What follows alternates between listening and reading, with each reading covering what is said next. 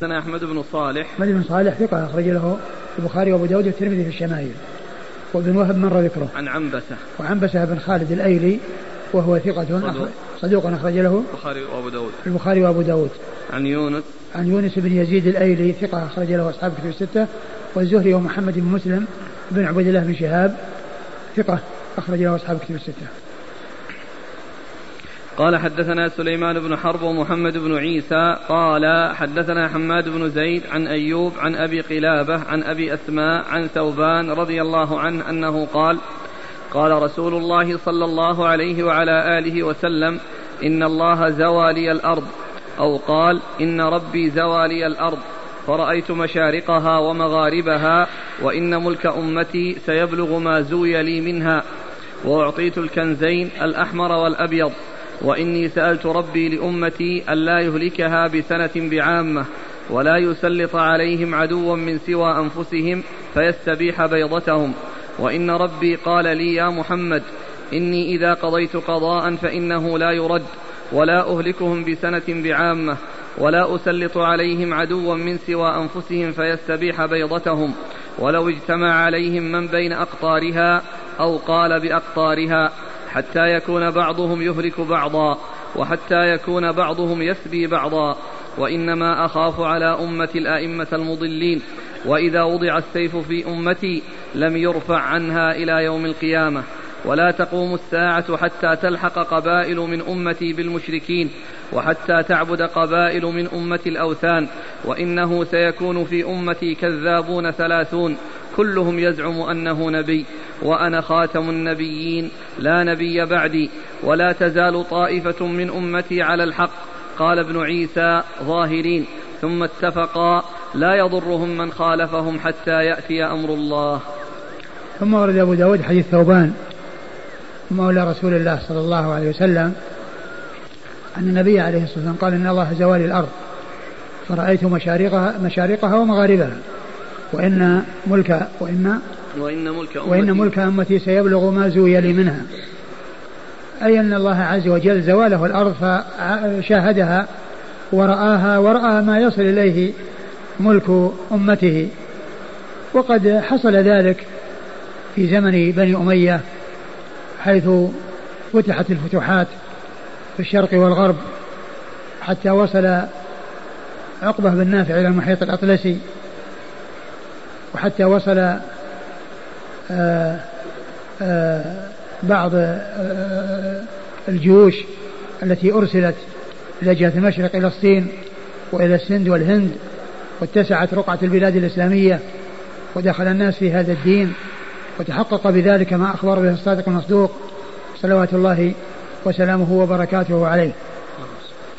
وإن ملك أمتي سيبلغ ما زوي لي منها وقد وكذلك الأمر في عهد بني العباس ولهذا كان يذكر عن هارون الرشيد أنه مر السحابة ببغداد فقال أمطري حيث شئت فخراجك سيأتي إلي.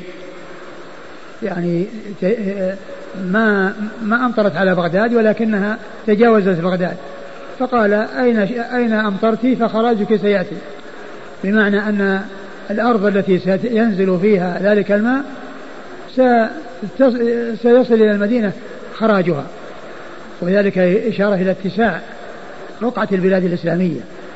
اتساع رقعة البلاد الإسلامية. أمطري حيث شئت.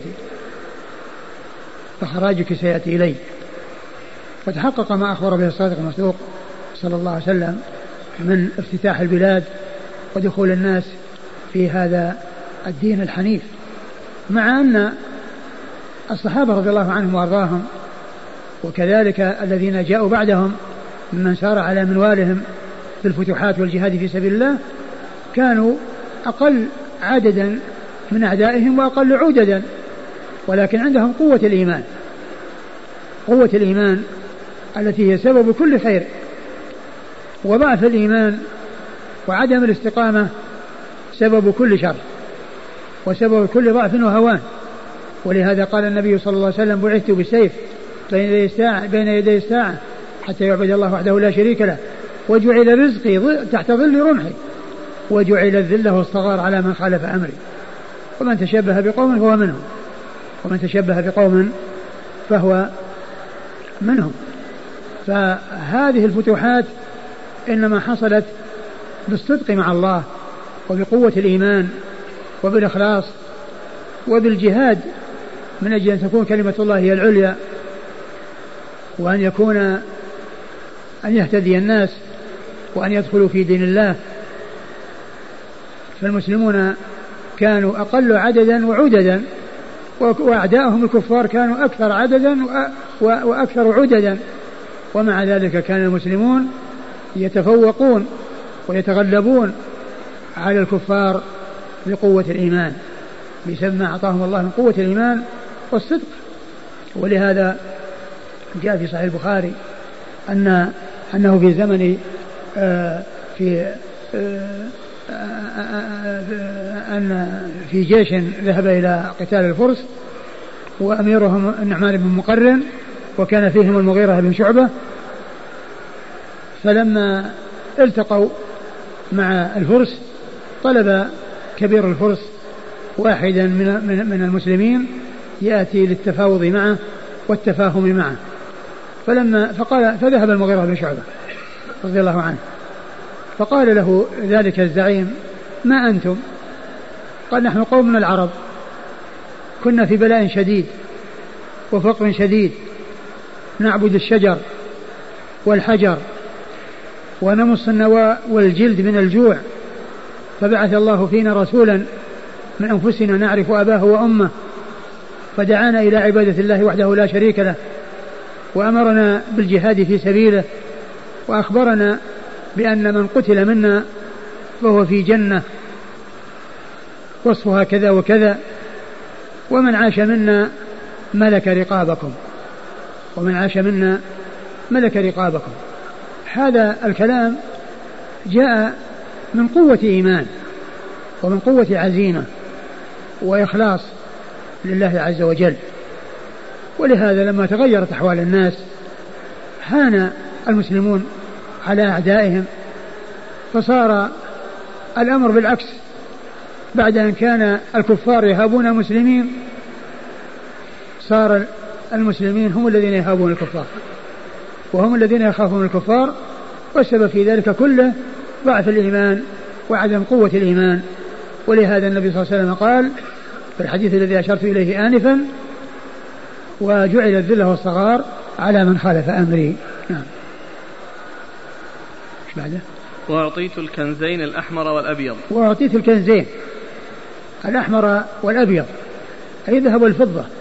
الأحمر هو الذهب والأبيض الفضة و و كنوز كسرى وقيصر من الذهب والفضة غنمها المسلمون في جهادهم للروم وجهادهم للفرس وأحضرت تلك الكنوز إلى المدينة وتولاها الفاروق رضي الله عنه وتولى قسمتها بنفسه في هذه المدينة وتحقق بذلك ما أخبر به الرسول الكريم عليه الصلاة والسلام في قوله ولا تنفقن كنوزهما في سبيل الله. ولا تنفقن كنوزهما في سبيل الله. وقد تحقق ذلك وأنفقت في سبيل الله على يد الفاروق رضي الله عنه وأرضاه. نعم. وإني سألت ربي لأمتي ألا يهلكها بسنة بعامة ولا يسلط عليهم عدوا من سوى أنفسهم فيستبيح بيضتهم. وإني سألت ربي ألا يهلك أمتي بسنة بعامة. يعني بأن يصيبهم قحط. عام. يصير به هلاك الجميع وضرر الجميع. وأعطاه الله ذلك. فالقحط يحصل في في بلد وفي أرض ويحصل الرخاء والخصب في بلد آخر. لكن كون كون يحصل لهذه الأمة أنها تهلك يعني بال بال بال بالقحط وقلة المطر وتفنى بسبب ذلك هذا لا يحصل. وألا يسلط عليهم عدوا من سوى أنفسهم فيستبيح بيضتهم بمعنى أنه يقضي على الإسلام والمسلمين. فإن الإسلام باق ولا تخلو الأرض من قائم لله بحجته. ولو حصل ضعف في في مكان يحصل قوة في مكان. لكن لا تخلو الأرض ممن يقوم بأمر الله. ومن قائم لله بحجته ولكن الشيء الذي قد حصل هو كون بعضهم يقتل بعضا والفتن التي تكون مع بينهم فتحصد يحسد بعضهم بعضا بالقتل وحصول الأضرار الكبيرة. ولا يكون بسنة بعامة أي بسنة عامة يعني بحيث يعني تعم البلاد. وألا يسلط عليهم عدوا من سوى أنفسهم يعني عدوا يعني آآ آه، آآ آه، ليس من المسلمين يستبيح بيضتهم ويقضي على الإسلام والمسلمين هذا لا يكون لأن الإسلام باق وعزيز ولكنه آه، يكون قويا في بعض الأزمان ودون ذلك في بعض الأزمان لكن كونه تخلو منه الأرض أو ينتهي هذا لا يكون بل لا بد أن يكون هناك من يقوم بشرع الله وأن يكون هناك من يكون يقوم بأمر الله ولا يضره من خالفه كما سيأتي في آخر هذا الحديث فلا تخلو الأرض من قائم لله بحجته. نعم. وإن ربي قال لي يا محمد إني إذا قضيت قضاء فإنه لا يرد. ولا أهلكهم بسنة بعامة ولا أسلط عليهم عدوا من سوى أنفسهم فيستبيح بيضتهم. وإن ربي قال إن يا محمد إذا قضيت قضاء فإنه لا يرد. يعني ما قدره الله وقضاه وسبق به قضاء الله وقدره فإنه لا بد من وجوده. ما شاء الله كان وما لم يشاء لم يكن. كل شيء شاءه الله لا بد أن يكون. وكل شيء لم يشاءه الله يشاء الله لا يمكن أن يكون. كل شيء لم يشاء الله لا يمكن أن يكون. وكل شيء شاءه الله لا بد من وجوده. ولهذا عقيدة المسلمين في باب القدر تنبني على هاتين الجملتين. ما شاء الله كان وما لم يشاء لم يكن. ما سبق به قضاء الله وقدره لا بد من وجوده ولا بد من حصوله. وما به القضاء بأنه لا يكون لا سبيل إلى كونه وإلى وجوده. ولهذا يقول الشاعر فما شئت كان وإن لم أشأ. وما شئت إن لم تشأ لم يكن. ما شئت يا الله كان وإن لم أشأ أنا. وما شئت أنا إن لم تشأ فإنه لا يكون. لأنه لا يكون في ملك الله إلا ما قدره الله وقضاه. لا يكون في ملك الله ولا يقع في ملك الله إلا ما قدره الله وقضاه. ولهذا القدر أو المقدر يعرف بطريقين اثنتين. القدر مغيب ولا يعلمه إلا الله. والناس يمكن أن يعرفوا المقدر بأمرين. الأمر الأول الوقوع. إذا وقع الشيء فهو مقدر لأنه لا يقع إلا مقدر. والأمر الثاني حصول الإخبار من الرسول صلى الله عليه وسلم عن أمر سيقع. فإن هذا يدل على أنه مقدر وأنه سبق به القضاء والقدر وأنه لا بد أن يوجد ذلك المقدر ولكنه عرف بإخبار الصادق المصدوق. عليه الصلاة والسلام بأنه سيحصل كذا وكذا وأنه سيقع كذا وكذا وسيجري كذا وكذا هذا لا بد وأن يوجد. وهذا الذي أخبر النبي صلى الله عليه وسلم بأنه سيوجد سبق به القضاء والقدر. ولهذا قال إني إذا قضيت قضاء فإنه لا يرد. ما شاء الله كان وما, وما لم يشاء لم يكن. ولهذا جاء في الحديث وصية النبي صلى الله عليه وسلم لابن عباس فقال له واعلم أن الأمة لو اجتمعوا على أن ينفعوك لم ينفعوك إلا بشيء قد كتبه الله لك ولو اجتمعوا على أن يضروك لم يضروك إلا بشيء قد كتبه الله عليك. رفعت الأقلام وجفت الصحف و وكذلك الدعاء. اللهم لا مانع لما أعطيت ولا مطيع لما منعت. لا مانع لما أعطى الله ولا مطيع لما منع الله. فالذي قدر الله إعطاءه لا أحد يمنعه. وما قدر أن لا يكون فإنه لا سبيل إلى كونه ولا سبيل إلى وجوده. وإني لا أهلكهم بسنة بعامة ولا أسلط عليهم عدوا من سوى أنفسهم. يعني سبق قضاء الله وقدر بهذا. قدر الله أنه لا يهلكهم بسنة عام بعامة ولا يسلط عليهم عدوا من سوى أنفسهم. فلا يقع ذلك.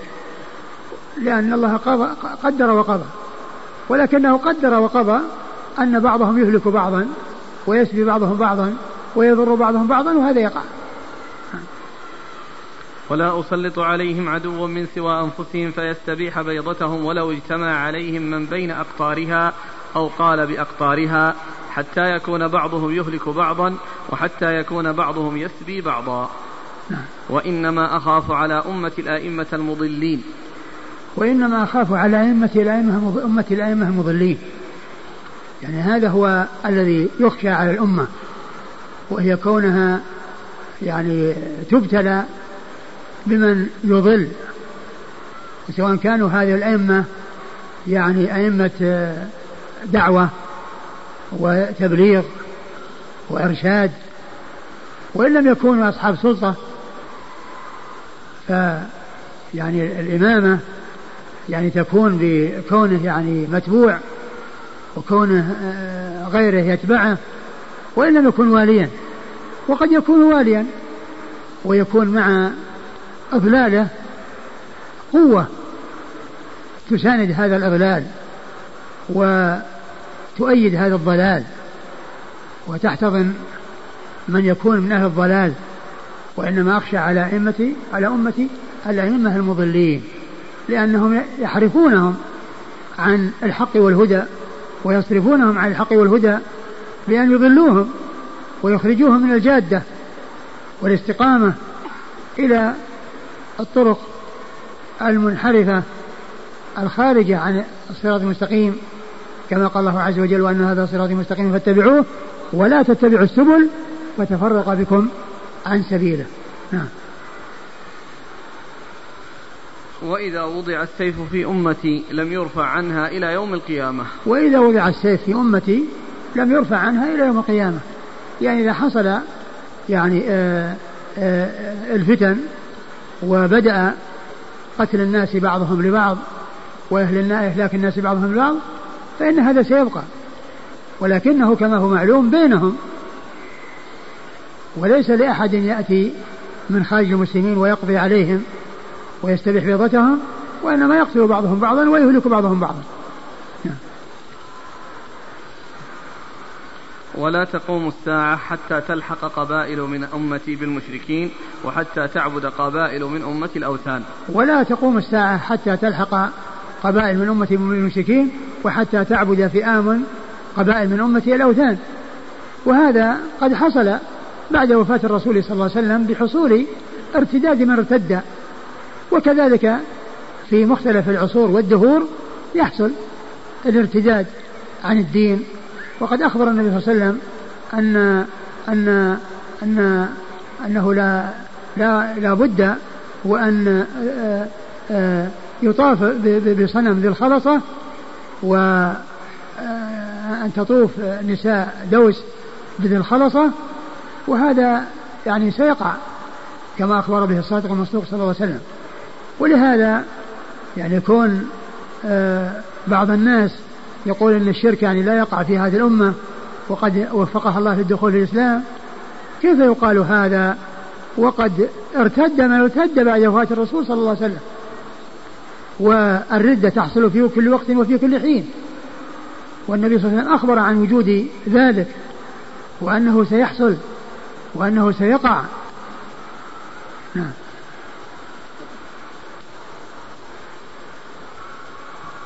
وإنه سيكون في أمتي كذابون ثلاثون كلهم يزعم أنه نبي وأنا خاتم النبيين لا نبي بعدي. وأنه سيكون في أمتي ثلاثون كذابون كلهم يزعم أنه نبي وأنا خاتم النبي لا نبي بعدي. يعني يعني يخرج أناس دجالون يدعون النبوة و والنبي صلى الله عليه وسلم هو خاتم النبي لا نبي بعده. وإنما هؤلاء كذبة دجالون.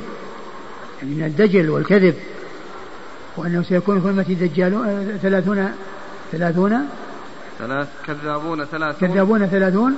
كلهم يزعم كلهم, كلهم يزعم أنه نبي وأنا خاتم النبيين لا نبي بعدي. نعم. ولا تزال طائفة من أمتي على الحق قال ابن عيسى ظاهرين ثم اتفقا لا يضرهم من خالفهم حتى يأتي أمر الله. ولا يزال طائفة من أمتي على الحق ظاهرين لا يضرهم من خالفهم حتى يأتي أمر الله. يعني هذا معناه في بقاء الخير وبقاء الإسلام وبقاء الحق في مختلف العصور والدهور. لا, لا, لا, لا تخلو منه الأرض ولا تخلو الأرض من قائم الله بحجته حتى يأتي أمر الله. وأمر الله هو آه، حصول الريح تقبض روح كل مؤمن ومؤمنة فلا يبقى إلا حثالة لا خير فيهم عليهم تقوم الساعة.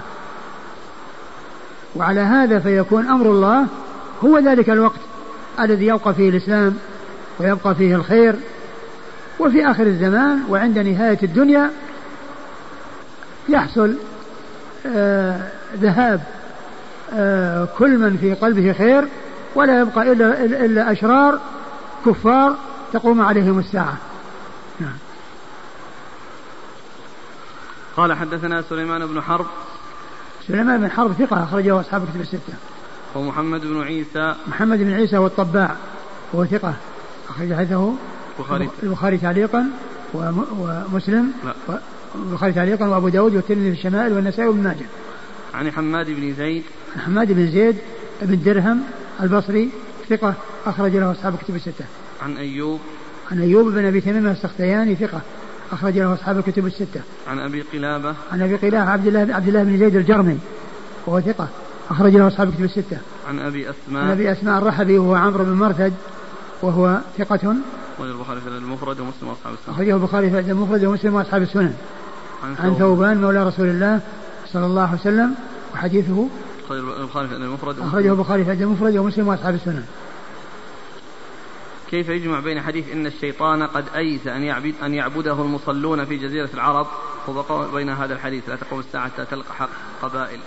نعم لا تنافي بين الحديثين لأن لأن هذا اللي هو قد أيس أن يعبده يعني معناها أن أن جزيرة العرب كلها تصير على عبادته وأنه يحصل منها يحصل فيها الارتداد وهذا لا يكون. وقد يئس من ذلك. وأما كونه يوجد قبائل أو جماعات تخرج وترتد والإسلام باقي والمسلمون باقون فإن هذا حاصل واقع. أما كون الجزيرة كلها آه، تحصل فيها الردة وتبقى خالية من الإسلام وأهل الإسلام فهذا لا يكون. ولهذا يئس أن يعبده المصلون في جزيرة العرب يعني أنه يئس أن يعني يحمل على أن على العموم وليس على آه، منع ذلك مطلقا لأن كما هو معلوم في زمن أبي بكر حصلت الردة. في زمن أبي بكر وجد في جزء العرب من هو مرتد. فإذا يوفق بينها بأن حديث آه، يأس الشيطان أنهم لا يع... أنها ما تحصل العبادة له مطلقا. بأن تحصل الردة آه، الكلية التي لا يبقى أحد دون أن يرتد فإن الجزيرة يبقى فيها الإسلام ولا ينقطع منها الإسلام و وإن وجد فيها من خرج عن الإسلام وارتد عن الإسلام هل يدخل في الأئمة المضل في الأئمة المضلين مؤسس الجماعات الإسلامية المعاصرة؟ الذي يدعو إلى الضلال ومن يدعو إلى مخالفة الكتاب والسنة في أي وقت وفي أي حين يدخل تحت ذلك. كل من كان كل من يكون كذلك. ذكر أكثر أهل العلم بأن الله تبارك وتعالى لم يخاطب نبيه محمدا صلى الله عليه وسلم باسمه. لكن في الحديث هنا قال يا محمد وإن ربي قال لي يا محمد. فما التوجيه؟ إيش يقول؟ إيش؟ يقول ذكر كثير من أهل العلم بأن الله تبارك وتعالى لم يخاطب نبيه بمحمد صلى الله عليه وسلم باسمه يا محمد يا لعله يقصد القرآن نعم لأن فيه يا أيها الرسول يا أيها النبي وما فيه يا محمد ولكن كون هذا جاءت به السنة عن رسول الله ولكن إذا أريد به القرآن نعم ما فيه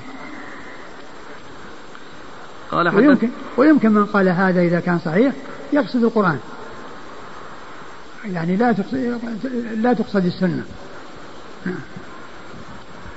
قال حدثنا محمد بن عوف الطائي قال حدثنا محمد بن إسماعيل قال حدثني أبي. قال ابن عوف وقرأت في أصل إسماعيل قال حدثني ضمضم عن شريح عن أبي مالك يعني الأشعري رضي الله عنه أنه قال قال رسول الله صلى الله عليه وعلى آله وسلم إن الله أجاركم من ثلاث خلال.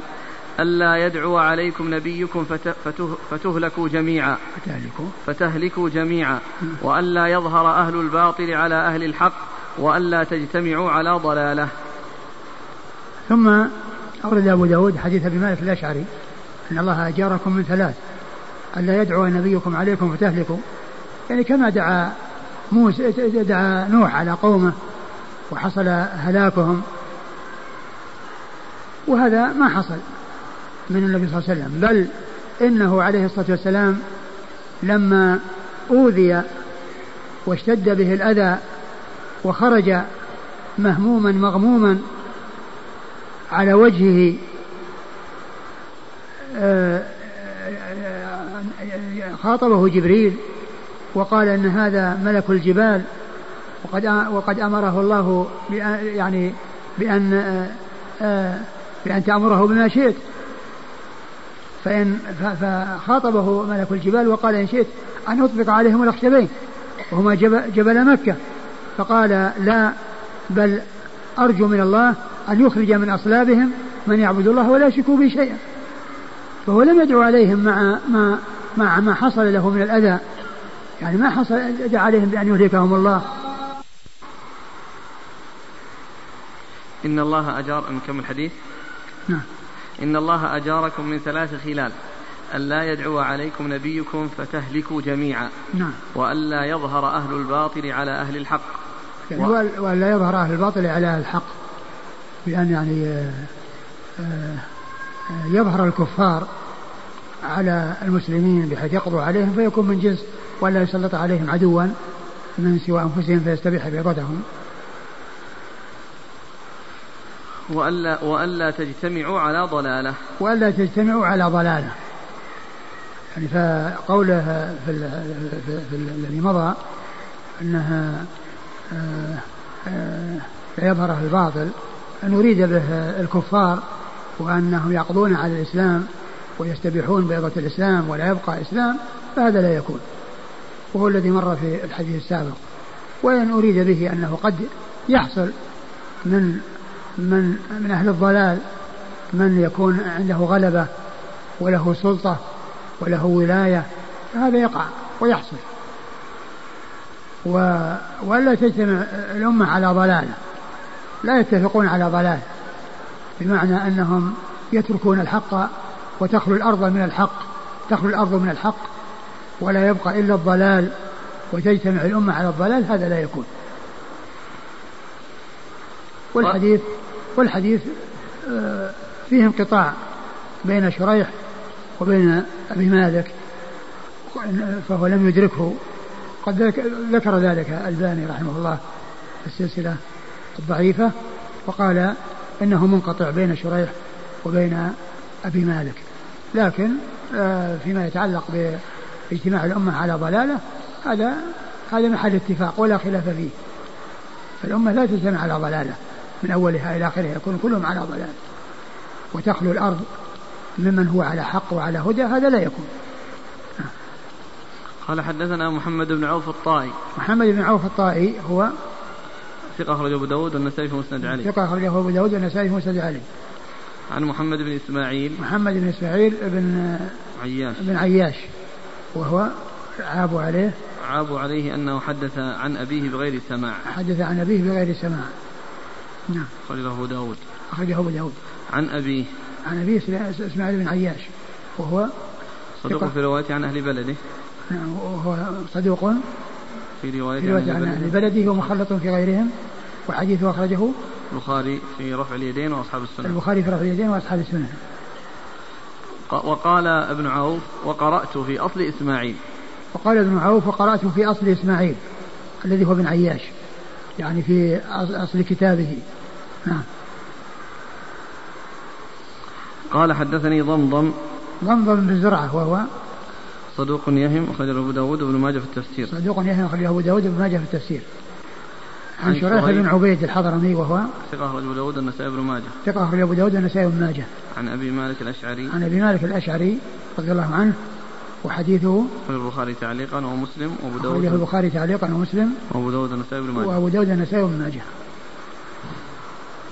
قال حدثنا محمد بن سليمان الأنباري قال حدثنا عبد الرحمن عن سفيان عن منصور عن ربعي بن حراش عن البراء بن ناجية عن عبد الله بن مسعود رضي الله عنه أنه عن النبي صلى الله عليه وآله وسلم أنه قال تدور رحى الإسلام لخمس وثلاثين أو ست وثلاثين أو سبع وثلاثين فإن يهلكوا فسبيل من هلك وإن يقم لهم دينهم يقم لهم سبعين عاما. قال قلت أمما بقي أو مما مضى؟ قال مما مضى. قال أبو داود من قال خراش فقد أخطأ. نقف والله تعالى أعلم وصلى الله وسلم وبارك على عبده ورسوله نبينا محمد وعلى آله وصحبه أجمعين. جزاكم الله خيرا وبارك الله فيكم وشفاكم الله. نفعنا الله ما قلتم وعافانا الله من الفتن. يقول السائل كيف الجمع بين قوله وألا يظهر أهل الباطل على أهل الحق مع أن النبي صلى الله عليه وسلم قال بدأ الإسلام غريبا وسيعود غريبا. هذا ما يدل على على ذهاب الإسلام وأهل الإسلام وإنما يعني كما كما هو معلوم يعني وكما أشرت بعض الأحيان يكون هناك قوة ونفوذ وانتشار و وفي بعض الأحيان يكون هناك شيء من الضعف.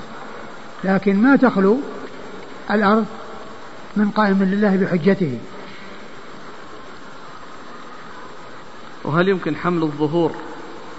ظهور أهل الباطل على أهل الحق يعني ظهور الحجة لا يكون لأهل الباطل حجة على أهل الحق. يمكن لكن الأظهر هو هو الغلبة والتفوق وكونهم يتسلطون عليهم ويكون الأمر بيدهم ويقضون على الإسلام والمسلمين هذا هذا هو الذي لا يكون. ولا تجتمع على ضلالة. هل يدخل في الضلال الخطأ؟ نعم. لا يمكن أن يجتمعوا على خطأ. أقول لا يمكن أن يتفقوا كلهم على خطأ. ما المقصود لا تجتمع أمتي على ضلال؟ يعني الأمة بجميعها أو هناك خاصة يعني لا. الأمة؟ المقصود الذين هم آه، أهل الاستقامة. وإلا فكيف فكيف آه، تلتقي آه، يلتقي من هو على استقامة وأصناف الفرق الضالة. التي هي داخلة في أمة الإجابة. أمة الإجابة يدخل تحتها فرق كثيرة ولكن هناك فرقة واحدة هي الناجية وهي التي اجتماعها وإجماعها هو الحجة أما المبطلون المحارفون عن الجادة فلا يعتد بهم في الإجماع ولا عبرة لهم في الإجماع وإنما المراد من ذلك الذين هم على ما كان عليه رسول الله صلى الله عليه وسلم وأصحابه. الذين هم على الكتاب والسنة وعلى منهج النبوة. أما المنحرفون عن الجادة فإنه لا يمكن أن يوجد إجماع. لا يمكن أن يوجد إجماع من يعني مع دخول فرق الضلال. مطلقة لا يمكن يكون إجماع. صفات الله عز وجل لا يمكن أن يكون عليها إجماع. لأن أكثر الفرق يعني إما شبهوا وإما أولوا وحرفوا و ومن الفرق من قال أن القرآن مخلوق. وعلى هذا يصير ما هو محل اتفاق. يعني معناه ما فيها إجماع. لأن بعض الفرق الضالة خالفت. ومن الفرق من قال أن الله لا يرى في الدار الآخرة. مطلقا ومن الفرق من قال أن ان أن العاصي مخالد مخلد في النار. خالد مخلد في النار. ومن الفرق من قال أن الرسول صلى الله عليه وسلم ما عرج به إلى السماء. ومنهم من قال إن ما في عذاب قبر. فلو كان المعتبر أمة الإجابة الذين آه آه، يدخل فيهم فرق مختلفة وهي 73 فرقة كلها في النار إلا واحدة وهي ما كان على ما عليه رسول الله صلى الله عليه وسلم وأصحابه. إذن المراد هم آه الذين هم على الجادة وعلى الاستقامة وعلى الكتاب والسنة ولا يعتبر الذين خرجوا عن الجادة وعن ما كان عليه رسول الله صلى الله عليه وسلم وأصحابه. هل يدخل في منازعة الإمام هذه الأحزاب السياسية التي تريد الوصول إلى الحكم بأي سبيل وبشتى الطرق؟ نعم. أقول يعني آه، الناس الذين يسعون إلى يعني آه، آه، الخروج على الإمام والقضاء على الإمام والوصول إلى الحكم لا شك أن هذا من الخروج من الخروج من الخروج على الإمام. لكن هذا الذي وجد في كثير من الأقطار في هذا الزمان وجود أحزاب وجود يعني منافسات وجود يعني آه انتخابات وما إلى ذلك كل هذا إنما وفد إنما جاء للمسلمين من الكفار. هذا ما جاء من الإسلام جاء من الكفار. الإسلام آه مبني الولاية فيه على الطرق الثلاث التي أشرت إليها آنفا وهي اتفاق أهل الحل والعقد وعهد الخليفة إلى خليفة من بعده وحصول تغلب من شخص يقهر ويغلب الناس ويستقر الأمور ويستتب الأمن فعند ذلك يسمع له ويطاع. جزاكم الله خيرا وبارك الله فيكم ونفعنا الله بما قلتم بسم الله الرحمن الرحيم. الحمد لله رب العالمين. والصلاة والسلام على عبد الله ورسوله نبينا محمد وعلى آله وصحبه أجمعين. أما بعد.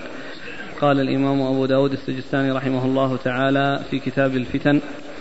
قال حدثنا محمد بن سليمان الأنباري. قال حدثنا عبد الرحمن عن سفيان عن منصور عن ربعي بن حراش عن البراء بن ناجية عن عبد الله بن مسعود رضي الله عنه عن النبي صلى الله عليه وعلى آله وسلم أنه قال تدور رحى الإسلام لخمس وثلاثين أو ست وثلاثين أو سبع وثلاثين فإن يهلكوا فسبيل من هلك وإن يقم لهم دينهم يقم لهم سبعين عاما. قال قلت أمما بقي أو مما مضى؟ قال مما مضى. قال أبو داود من قال خراش فقد أخطأ. بسم الله الرحمن الرحيم. الحمد لله رب العالمين وصلى الله وسلم وبارك على عبده ورسوله نبينا محمد وعلى آله وأصحابه أجمعين. أما بعد فيقول الإمام أبو داود السجستاني رحمه الله تعالى في كتاب الفتن وقد مر جملة من تلك الأحاديث في هذا في هذا في هذا الكتاب وفي باب الفتن ودلائلها. وهذا الذي آه، سمعناه من تلك الأحاديث المتعلقة بهذا الباب. حديث عبد الله بن مسعود. رضي الله تعالى عنه. قال تدور راح الإسلام لخمس وثلاثين سنة فإن يهلكوا فسبيلهم سبيل من هلك وإن وإن يستقم. تدور روح الإسلام لخمس وثلاثين أو ست وثلاثين لخمس وثلاثين أو ست وثلاثين أو سبع وثلاثين فإن يهلكوا فسبيل من هلك. وإن يقوم لهم دينهم يقوم لهم سبعين عاما. وإن يقوم نعم. لهم دينهم يقوم سبعين عاما. يقوم سبعين عاما. قال قال قلت أمما بقي أو مما مضى؟ قال قلت أمما بقي أو مما مضى. قال بل مما مضى. هذا الحديث وقوله صلى الله عليه وسلم تدور رحى الإسلام لخمس وثلاثين أو ست وثلاثين أو سبع وثلاثين. قيل أن المراد بذلك آآ قوة الإسلام يكون في هذه المدة قوته وتمامه. ثم بعد ذلك يحصل التغير بعد ذلك. وقيل إن المقصود بذلك الحروب التي حصلت وأن المقصود بدوران آه، دوران دوران الرحى. هو المقصود به الحروب التي تحصل والتي تقع وهو فسر بهذين المعنيين. ولا شك أن مدة الخلفاء الراشدين المهديين رضي الله تعالى عنهم كانت خلافة راشدة وكان الخير عظيما والإسلام منتشرا وقد حصل بعد مقتل عثمان رضي الله عنه وتولي علي رضي الله عنه شيء من الاقتتال وشيء من الاختلاف الذي قد حصل بعد مقتل عثمان حيث وجدت الفتن وحصل الاختلاف وحصل الاقتتال بين المسلمين. ثم بعد ذلك حصل على يد يدي الحسن بن علي رضي الله تعالى عنه عنهما تنازله لمعاوية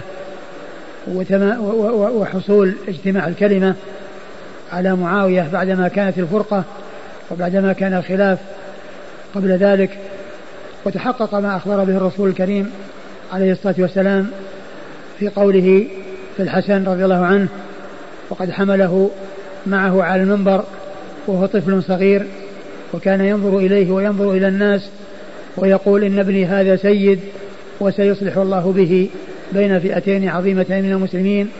وقد تحقق ذلك في عام واحد وأربعين الذي هو عام الجماعة الذي سمي عام الجماعة حيث آه، اجتمعت الكلمة وصار على الناس خليفة واحد هو معاوية بن أبي سفيان رضي الله تعالى عنه. وقد قال عليه الصلاة والسلام خلافة النبوة بعد ثلاثون سنة ثم يؤتي الله ملكه من يشاء. وقد آتى الله الملك بعد مدة الخلفاء الراشدين معاوية بن أبي سفيان وهو خير وهو أول ملوك المسلمين وهو خير ملوك المسلمين لأنه صحابي والخلفاء الذين جاءوا بعده على مختلف العصور والدهور ليسوا من الصحابة فهو أول الملوك وهو خير الملوك رضي الله تعالى عنه وأرضاه. وقد أطلق أو قد جاء إطلاق الخلافة على الخلفاء الراشدين وعلى ثمانية من بعدهم وذلك في الحديث الصحيح الذي قال فيه النبي صلى الله عليه وسلم لا يزال أمر الناس ماضيا ما وليهم اثنا عشر خليفة كلهم من قريش فإن هؤلاء الخلفاء هم الخلفاء الراشدون وثمانية من خلفاء بني أمية. وقوله تدور راح الإسلام لخمس وثلاثين أو ست وثلاثين أو سبع وثلاثين قيل إن المراد بذلك آه هذه الخمس والثلاثين هي مدة الخلفاء الراشدين الأربعة. وهي ثلاثون سنة ويضاف إليها خمس أو قريب من ذلك في آخر عهد النبي صلى الله عليه وسلم.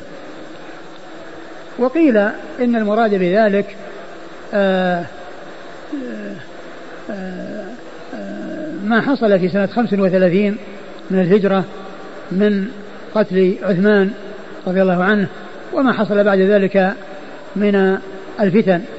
لكن كما هو معلوم الهجرة والتاريخ بها إنما حصل في زمن عمر رضي الله تعالى عنه وأرضاه. لكن إذا اعتبرت مدة الخلفاء الراشدين الأربعة التي هي ثلاثون سنة وضم إليها آه، آه، خمس سنوات أو قريب منها فيكون آه، معنى ذلك أن هذه المدة هي الخلافة الراشدة وقد حصل فيها الخير الكثير وإن وجد شيء من الاختلاف. وعلى هذا يكون المقصود برحى الإسلام يعني آه، قوته واستقامته وسلامته وكونه على منهاج النبوة وكون خلافة خلافة نبوة ويكون بدوران الرحى. على هذا هو المقصود به آه، حصول الخير وحصول النفع. كما أن الرحى إذا دارت على الحب وطحن وصار طحينا ودقيقا بسبب دوران الرحى فحصل في ذلك النفع وحصل في ذلك الفوائد من وراء دوران الرحى في هذه المدة. تدور رحى الإسلام لخمس وثلاثين أو ست وثلاثين أو سبع وثلاثين. فيكون يعني معنى هذا أنه إلى خمس وثلاثين وإلى ست وثلاثين. ويكون الدوران هنا يعني بمعنى يعني يشبه دوران الرحى بطحن الحب. فيكون في ذلك فوائد للناس ونفع. وهذا يطابق ويوافق ما حصل في زمن الخلفاء الراشدين الذين خلافتهم خلافة النبوة. وقد قال عليه الصلاة والسلام خلافة النبوة بعد ثلاثون سنة ثم يأتي له ملكه من يشاء. قال فعليكم بسنتي وسنة الخلفاء الراشدين المهديين من بعدي تمسكوا بها وعضوا عليها بالنواجذ. فعلى هذا يعني يكون المعنى أنه حصل استقامة وحصل قوة وحصل يعني خلافة راشدة وخلافة نبوة في هذه المدة التي هي آه يعني خمس وثلاثين وثلاثون منها هي مدة الخلفاء وخمسة منها آه آه في الوقت الذي قال فيه النبي صلى الله عليه وسلم ذلك. وقد يكون قاله وقد بقي خمس سنوات من حياته صلى الله عليه وسلم أو ما هو قريب من ذلك. ودوران الرحى بهذا المعنى على اعتبار النفع وأن خلافة الخلفاء الراشدين حصل فيها خير وهي خلافة راشدة يعني يستقيم. على معنى آه، دوران الرحى بالحب وطحن الحب وكونه دقيقا يستفاد منه. ومعلوم أن الحب لا يستفاد منه إلا بالطحن. والرحى هي التي تطحن الحب وتجعله دقيقا. فيكون معنى ذلك أن حصل للناس في هذه المدة فوائد عظيمة وخير كثير. ودوران الرحى كما هو معلوم بالحب هو الذي تحصل به الفائدة. وإذا ما حصل دوران الرحى معناه أنه ما حصل فائدة لأنه ما في حب يطحن. ولهذا من الأبيات التي يلغز بها بعض الشعراء بحجري الرحى فيقول أخوان من أب وأب. يعني حجرين. أخوان من أم وأب. لا يفتران عن التعب. ما منهما إلا ظن يشكو معاناة التعب. فلنا بصلحهما ردى ولنا بحربهما نشب إذا إذا اصطلحوا وانطبق واحد على الثاني وما في حركة معنى ما في حب يطحن. فإذا اصطلاح ما نستفيد منه. ولكن إذا صار بينهم حرب وأن هذا يدور على هذا فهو يدور بالحب ويحصل الطحين ويستفيد الناس. فلنا بصلح فلنا فلنا بصلحهما رجاء ولنا بحربهما ما نشأ. بحربهما كون يعني بعضهم واحد يدور على الثاني معنى فيه فوائد لنا. نشب آخر شيء؟ نعم. نشب آخر شيء؟ نعم نشب يعني معناه فوائد يعني شيء يستفاد منه.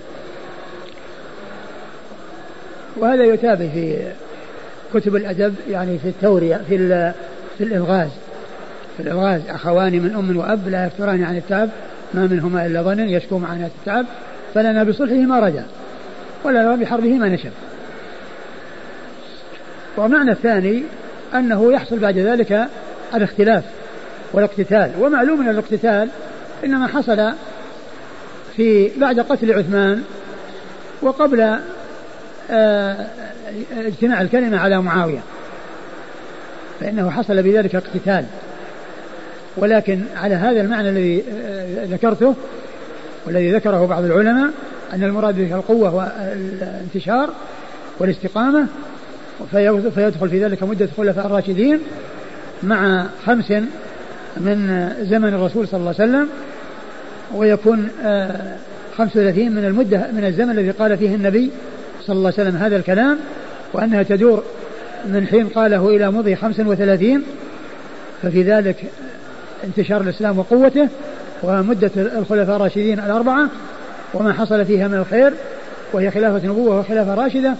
وأما على القول بأن دوران الرحى مقصود الحرب فالحرب إنما حصلت بعد مقتل عثمان فقد حصلت الفتن وحصل الاقتتال وحصل مواقع حصلت بين الصحابة رضي الله تعالى عنهم وأرضاهم وهم مجتهدون والمجتهد المصيب له أجران والمجتهد المخطئ له أجر واحد وخطأه وخطأه مغفور. والواجب هو إحسان الظن بالجميع وعدم النيل من أحد منهم بل الواجب هو الترضي عنهم ومحبتهم جميعا وموالاتهم جميعا وسلامة القلوب والألسنة من كل ما لا يليق بهم. هذا هو الواجب في حق أصحاب رسول الله صلى الله عليه وسلم. فإن يهلكوا فسبيل من هلك. فإن يهلكوا فسبيل من هلك يعني من الأمم السابقة. والهلاك لا يلزم أن يكون بتلف أجسادهم وذهاب أجسادهم بل يكون بالانحراف وحصول فتن وأمور مضلة فسبيل من هلك وإن يقم لهم دينهم يقم سبعين سنة. ولا شك أنه ما حصل الهلاك ولكن حصل يعني قيام الدين وقيام الملك لبني أمية بعد الخلفاء الراشدين وقد حصل في زمن أمية بني أمية الخير الكثير. حصل نفع عظيم. فتحت الفتوحات. وبلغ وبلغت الديار الإسلامية المفتوحة إلى المحيط الأطلسي غربا وإلى بلاد السند والهند والصين شرقا. وقد وقد سبق أن مر في الدرس الماضي حديث النبي صلى الله عليه وسلم قال وأنه أنه زي رأيت مشارق زويت الأرض فرأيت مشارقها ومغاربها وإن أمتي سيبلغ ملكها ما زوي منها وقد بلغ ملك هذه الأمة في زمن بني أمية مبلغا وصل إلى حد المحيط الأطلسي غربا وإلى الصين شرقا فصار في ذلك القوة للإسلام وأهل الإسلام. ولهذا قال عليه الصلاة والسلام في الحديث الصحيح لا يزال أمر الناس ما واليا ما ماضيا ما وليهم 12 خليفة. والخلفاء الثمانية هم هم هم خلفاء بني أمية. وقبلهم الخلفاء الراشدون الهادون المهديون. فهذا فيه بيان أن الإسلام قوي في هذه المدة وانتشر في هذه المدة وفتحت الفتوحات وكثرت الخيرات واتسعت رقعة البلاد الإسلامية. وإن يقم لهم دينهم يعني قيل أنه المقصود به ملكهم آه إيش؟ وإن يقم لهم دينهم يقم لهم سبعين عاما. يقم سبعين عاما. وقد قام أو قام قام ملك بني أمية هذه المدة من حين بويع معاوية رضي الله عنه بالخلافة بعد تنازل الحسن ابن علي رضي الله تعالى عنه. فمك فمدة سبعين بعد ذلك فيها قوة. وبعد ذلك حصل الضعف في بني أمية. وحصلت الحروب والاقتتال الذي أدى إلى ظهور بني العباس وتغلبهم على بني أمية وانتزاعهم الملك منهم فتكون مدة السبعين هي من خلافة معاوية إلى تمام سبعين. وخلافة بني أمية تبلغ تسعة وثمانين. لكن في آخرها حصل اضطراب حصل قلاقل وحصل فتن ولكن هذه المدة التي هي سبعين بعد مدة الخلفاء الراشدين حصل فيها خير كثير. فتحت الفتوحات وكثرت الخيرات اتسعت رقعة البلاد الإسلامية وقوي الإسلام وصار عزيزا وأمر الناس ماضيا وتحقق ما أخبر به الرسول الكريم عليه الصلاة والسلام من قوله لا يزال أمر الناس ماضيا ما وليهم اثنى عشر خليفة. فيكون مقصود ذلك الخلفاء الثمانية الذين هم بني أمية. آآ آآ من كانوا في هذه المدة التي هي سبعين ابتداء من خلافة معاوية. وفي آخرها التي هي فوق السبعين مقدار تسعة عشر سنة التي هي مدة خلافة الأموية حتى حتى ظهر عليهم العباسيون تغلب عليهم وانتزعوا الملك منهم. تلك فيها ضعف وعدم قوة وعدم استقامة بسبب الحروب والفتن التي حصلت في آخر عهد بني أمية. نعم. قال قلت أمما بقي أو مما مضى؟ قال مما مضى. قلت أمما بقي أو مما مضى؟ قال بل مما مضى. بل مما مضى. يعني فكأنها السبعين يعني آه يعني بعد ما مضى.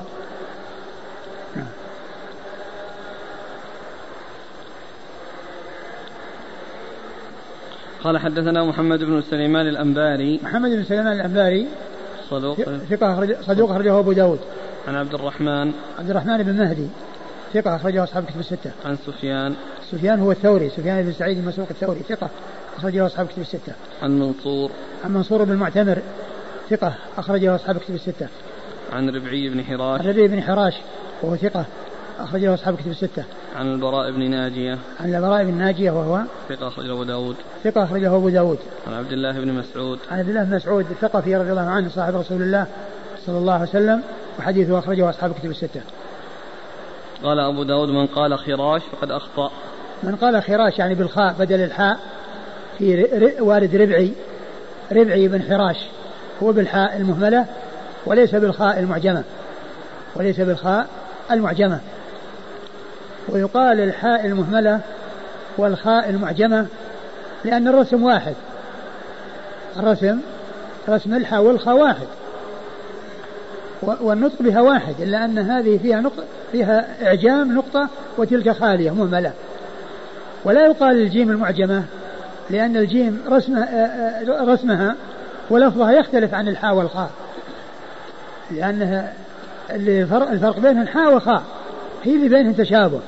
وأما الجيم هي معجمة ولكنها تختلف في النطق يعني بالحروف أو بالكلمات.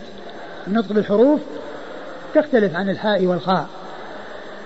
فلا يقال الجيم المعجمة لأن كلمة الجيم ولفظ الجيم أخرجها عن الحاء والخاء لكن حاء وخاء رسمها واحد والنطق بها واحد إلا أن الفرق فيه الخاء. فلذلك يحتاج إلى أن يقولوا معجمة ومهملة والجيم لا يقال أنها لا يقال فيها معجمة لأنها ما تشتبه ما تشتبه بغيرها من الحاء والخاء. فهنا حراش بالحاء المهملة هذا هو الصواب. ومن قال خراش بالخاء المعجمة فقد أخطأ. يقول الأخ ألا يدل أن المعنى المراد في دوران الرحى هو الحرب؟ بما بعده في أن قوله فأن يهلكوا فسبيل من هلك الهلاك يعني كما هو معلوم ليس هلاك الأجسام وذهاب الأجسام وأنهم يهلكون لأن هذه الأمة لا تهلك بل لابد وأن تبقى وهي باقية ولكن الذي حصل يعني هلاك يعني في ال في ال في ال في في التصور وفي العمل أو يعني أشياء يعني ليس هلاك إن الله يهلكهم بسنة عامة ويقضي عليهم هذا لا يكون في هذه الأمة كما سبق أن عرفناه ولكن إن يحصل لهم إن يهلكوا يعني يحصل لهم يعني شيء من الهلاك الذي هو آه شيء من آه خلاف الهدى وخلاف الاستقامة بأن يكون فيه شيء من الضلال فيكون سبيل من مضى ممن, ممن ضل. وليس المقصود به الهلاك. آه آه الذي هو الفناء وألا يبقى لهم وجود. لو أعدتم هذا يقول ما فهمنا ما معنى ما مض مما مضى. مما مضى يعني معناه أنه يعني تابع لما مضى. لأن كما هو معلوم يعني السبعين هذه مضافة إلى الثلاثين أو الخمسة وثلاثين. وهذه مدة الخلفاء الراشدين ومدة قوة بني أمية. ومدة قوة بني أمية. قال حدثنا أحمد بن صالح قال حدثنا عنبسة قال حدثني يونس عن ابن شهاب قال حدثني حميد بن عبد الرحمن أن أبا هريرة رضي الله عنه قال قال رسول الله صلى الله عليه وآله وسلم يتقارب الزمان وينقص العلم وتظهر الفتن ويلقى الشح ويكثر الهرج. قيل يا رسول الله أيم هو قال القتل القتل. ثم ورد أبو داود حديث أبي هريرة رضي الله عنه أن النبي صلى الله عليه وسلم قال يتقارب الزمان. وتقارب الزمان فسر بقصر بقلة فائدة الأعمار وأنها تكون فائدتها قليلة. و آه، وفسر بغير ذلك.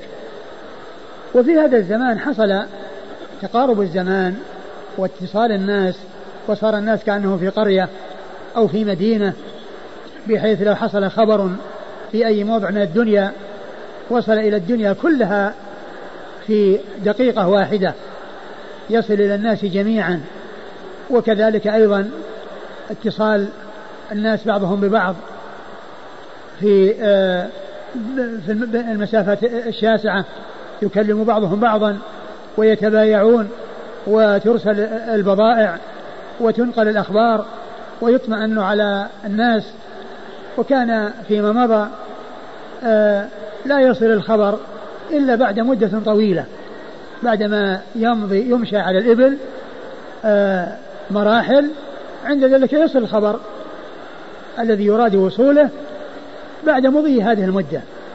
وأما في هذا الزمان فحصل فهو يعني ليس ببعيد. أن يكون هذا من تقارب الزمان.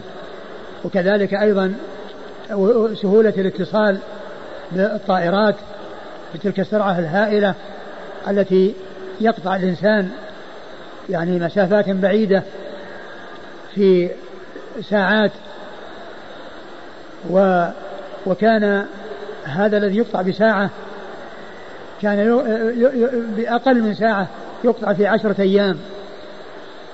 وما يحصل في شهر يقطع في ساعة في الطائرة. فلا شك أن هذا فيه تقارب.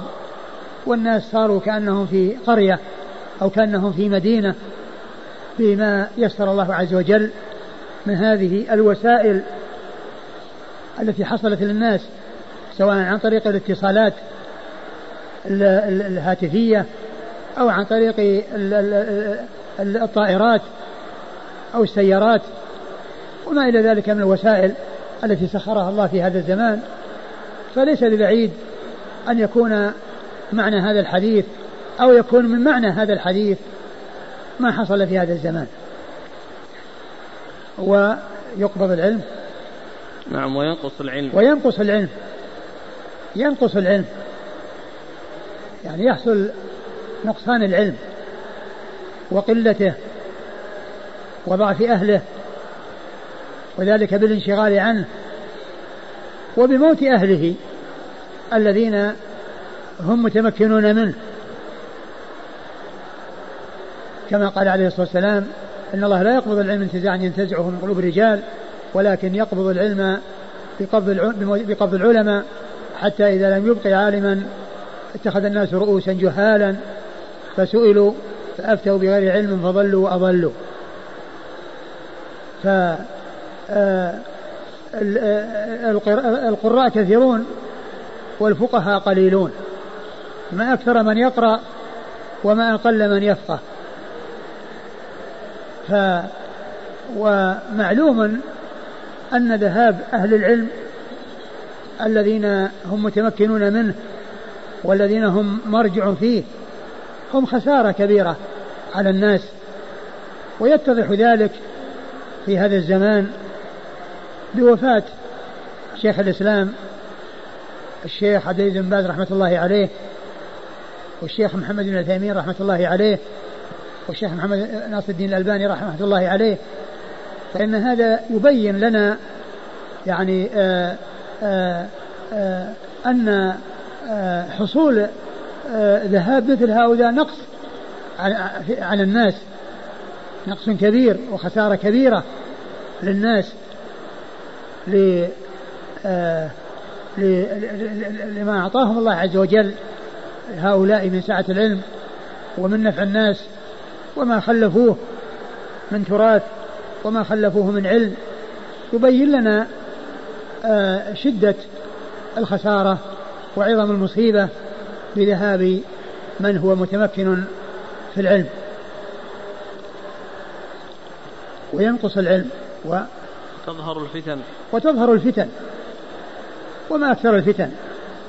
في هذا في هذا الزمان. وقبل هذا الزمان.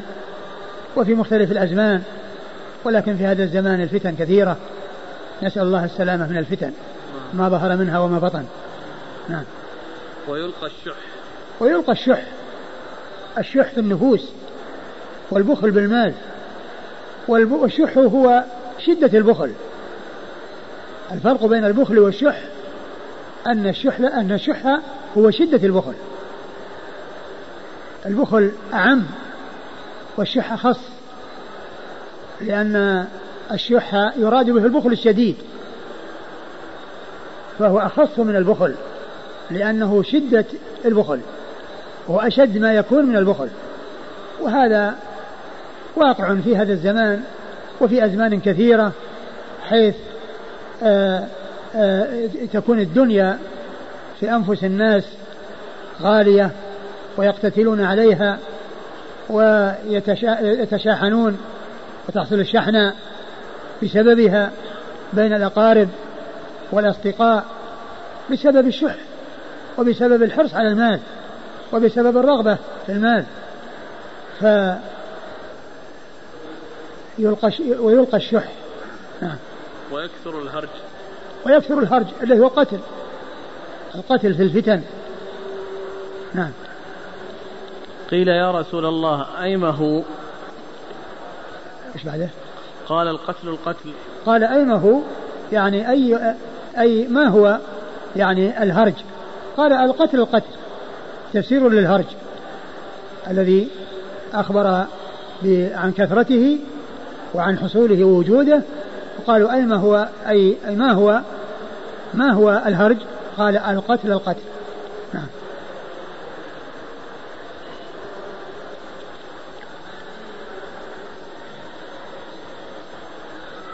قال حدثنا أحمد بن صالح. أحمد بن صالح المصري ثقة أخرجه البخاري وأبو داود والترمذي في الشمائل. عن عنبسة. عنبسة ابن خالد الأيلي وهو صدوق خرج البخاري وأبو داود. صدوق خرج البخاري وأبو داود. عن يونس. عن يونس بن يزيد الأيلي ثقة أخرج له أصحاب كتب الستة. عن ابن شهاب. عن ابن شهاب محمد بن مسلم بن عبيد الله بن شهاب الزهري ثقة أخرج له أصحاب كتب الستة. عن حميد بن عبد الرحمن. حميد بن عبد الرحمن وهو ثقة أخرج له أصحاب كتب الستة. عن أبي هريرة. عن أبي هريرة عبد الرحمن بن صخر الدوسي صاحب رسول الله عليه الصلاة والسلام وهو أكثر أصحابه حديثا على الإطلاق رضي الله عنه وأرضاه.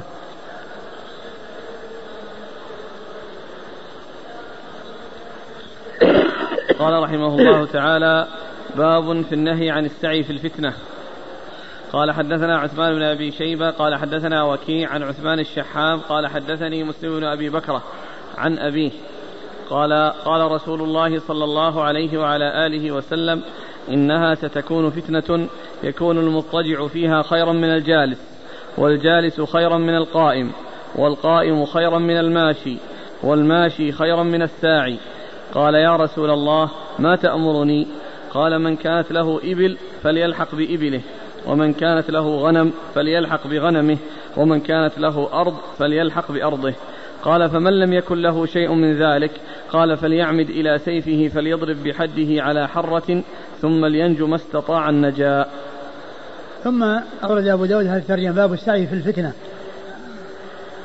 يعني الدخول فيها والعمل على وجودها وإذكاء نارها والحرص على حصولها هذا هو السعي في الفتنة سواء كان بالقول أو بالفعل سواء كان بالقول بالتحريض والتهييج و يعني آه، آه، وحصول الكلام الذي يحرك الناس ويجعلهم يقدمون على الفتن ويقومون بالفتن أو بفعل الفتن والمشاركة فيها بالفعل.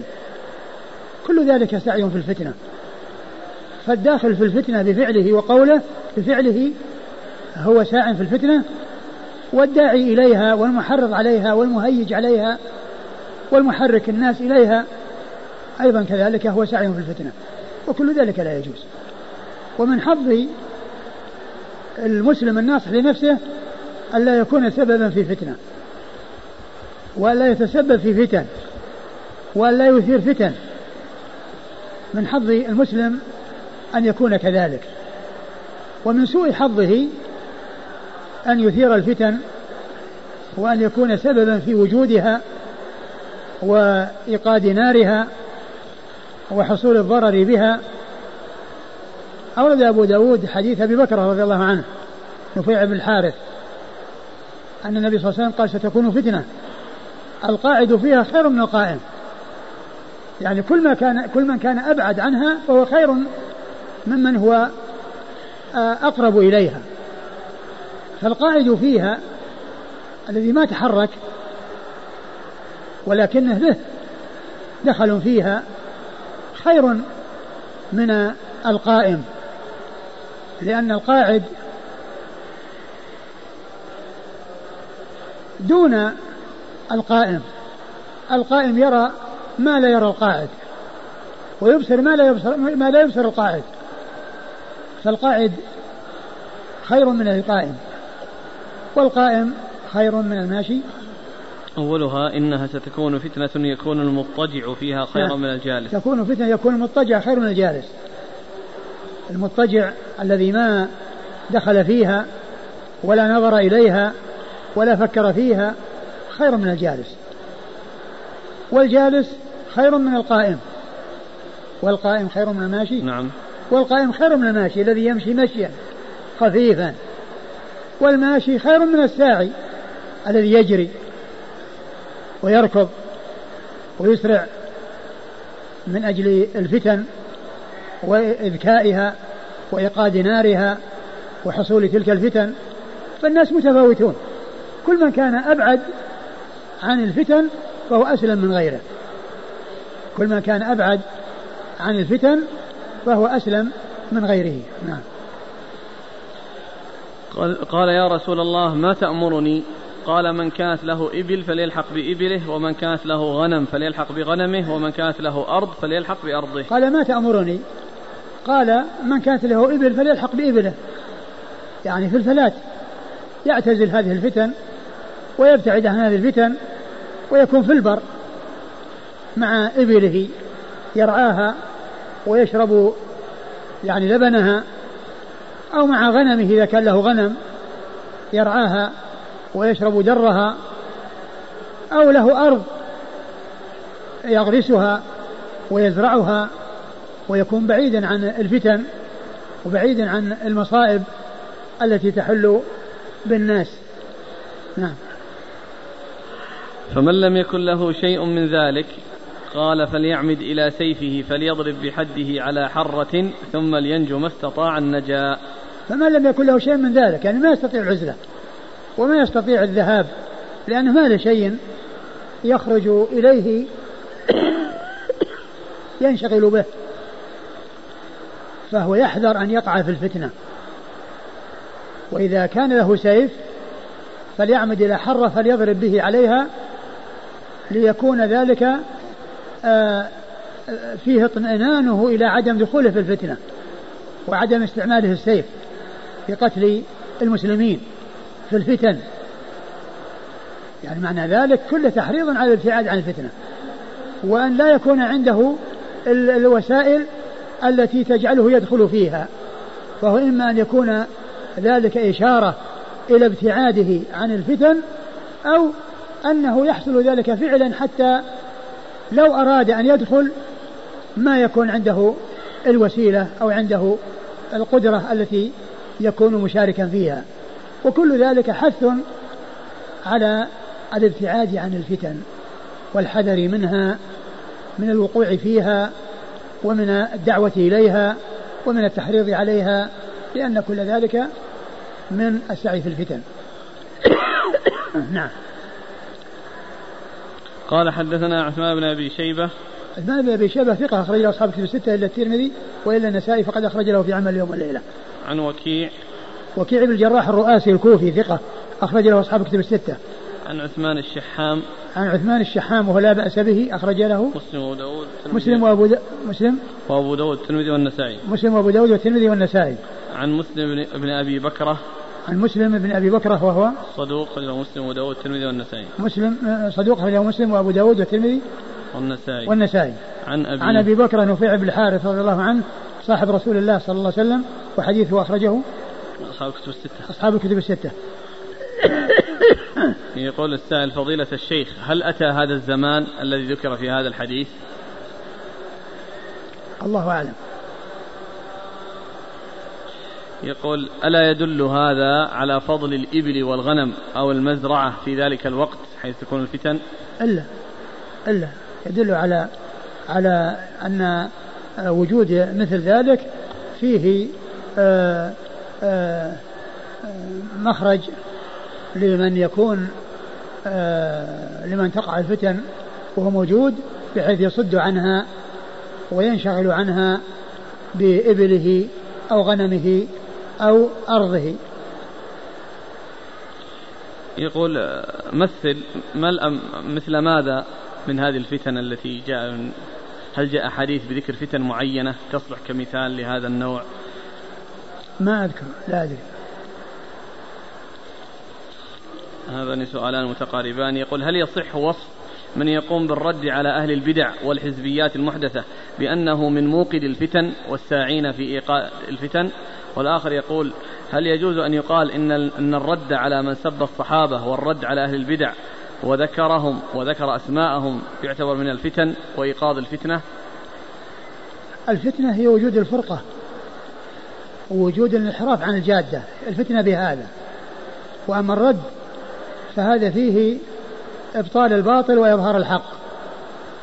وإلا فكيف يترك الباطل يصول ويجول ولا يتعرض له وكأنه هو الذي لا يكون غيره ولا ينبغي أن يكون سواه؟ ومنذ قديم الزمان والحق والباطل سجال و أهل السنة وغيرهم من أهل البدع من قديم الزمان. هذه الكتب موجودة. الردود موجودة. من منذ العصور الأولى ومنذ الزمن الأول. فوجود المبطلين في مختلف العصور موجود ووجود الردود عليهم موجودة. ولا يقال إن البدع والمحدثات إذا وجدت يسكت عنها آه، آه، دحضها وبيان الباطل هذا من الجهاد في سبيل الله. والجهاد يكون كما يكون بالنفس ويكون بالمال يكون باللسان ويكون بالقلم ويكون بالنية ويكون بالنية أيضا.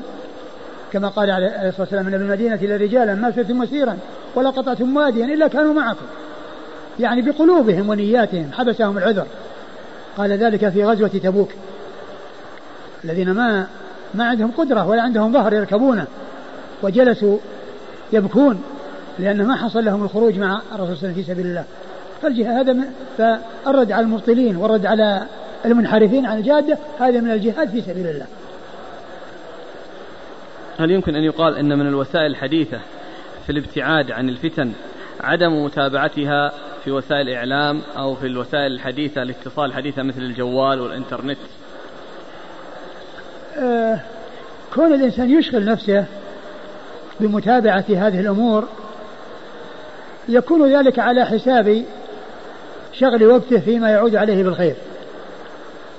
لأن الإنسان إذا شغل وقته في هذه الأمور ما أبقى شيئا للعلم وللاشتغال بالعلم وللإفادة والاستفادة لكونه يستفيد ويفيد. لا بأس. يعني يكون على علم ويعرف الأحداث وما حصل لكن ما يكون هذا شغله الشاغل. لأن بعض الناس هذا شغله الشاغل. تجده من إذاعة إلى إذاعة ومن جريدة إلى جريدة ومن مجلة إلى مجلة طوال 24 ساعة. ما عدا مدة النوم والأكل هذا كله اشتغال بهذه الأمور.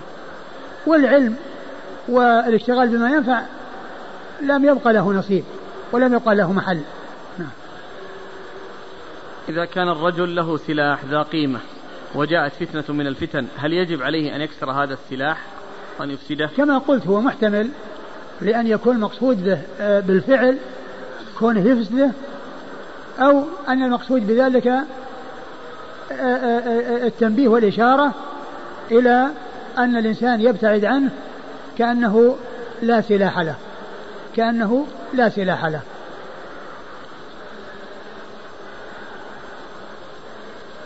قال حدثنا يزيد بن خالد الرملي قال حدثنا مفضل عن عياش عن بكير عن بس بن سعيد عن حسين بن عبد الرحمن الأشجعي أنه سمع سعد بن أبي وقاص رضي الله عنه عن النبي صلى الله عليه وعلى آله وسلم في هذا الحديث.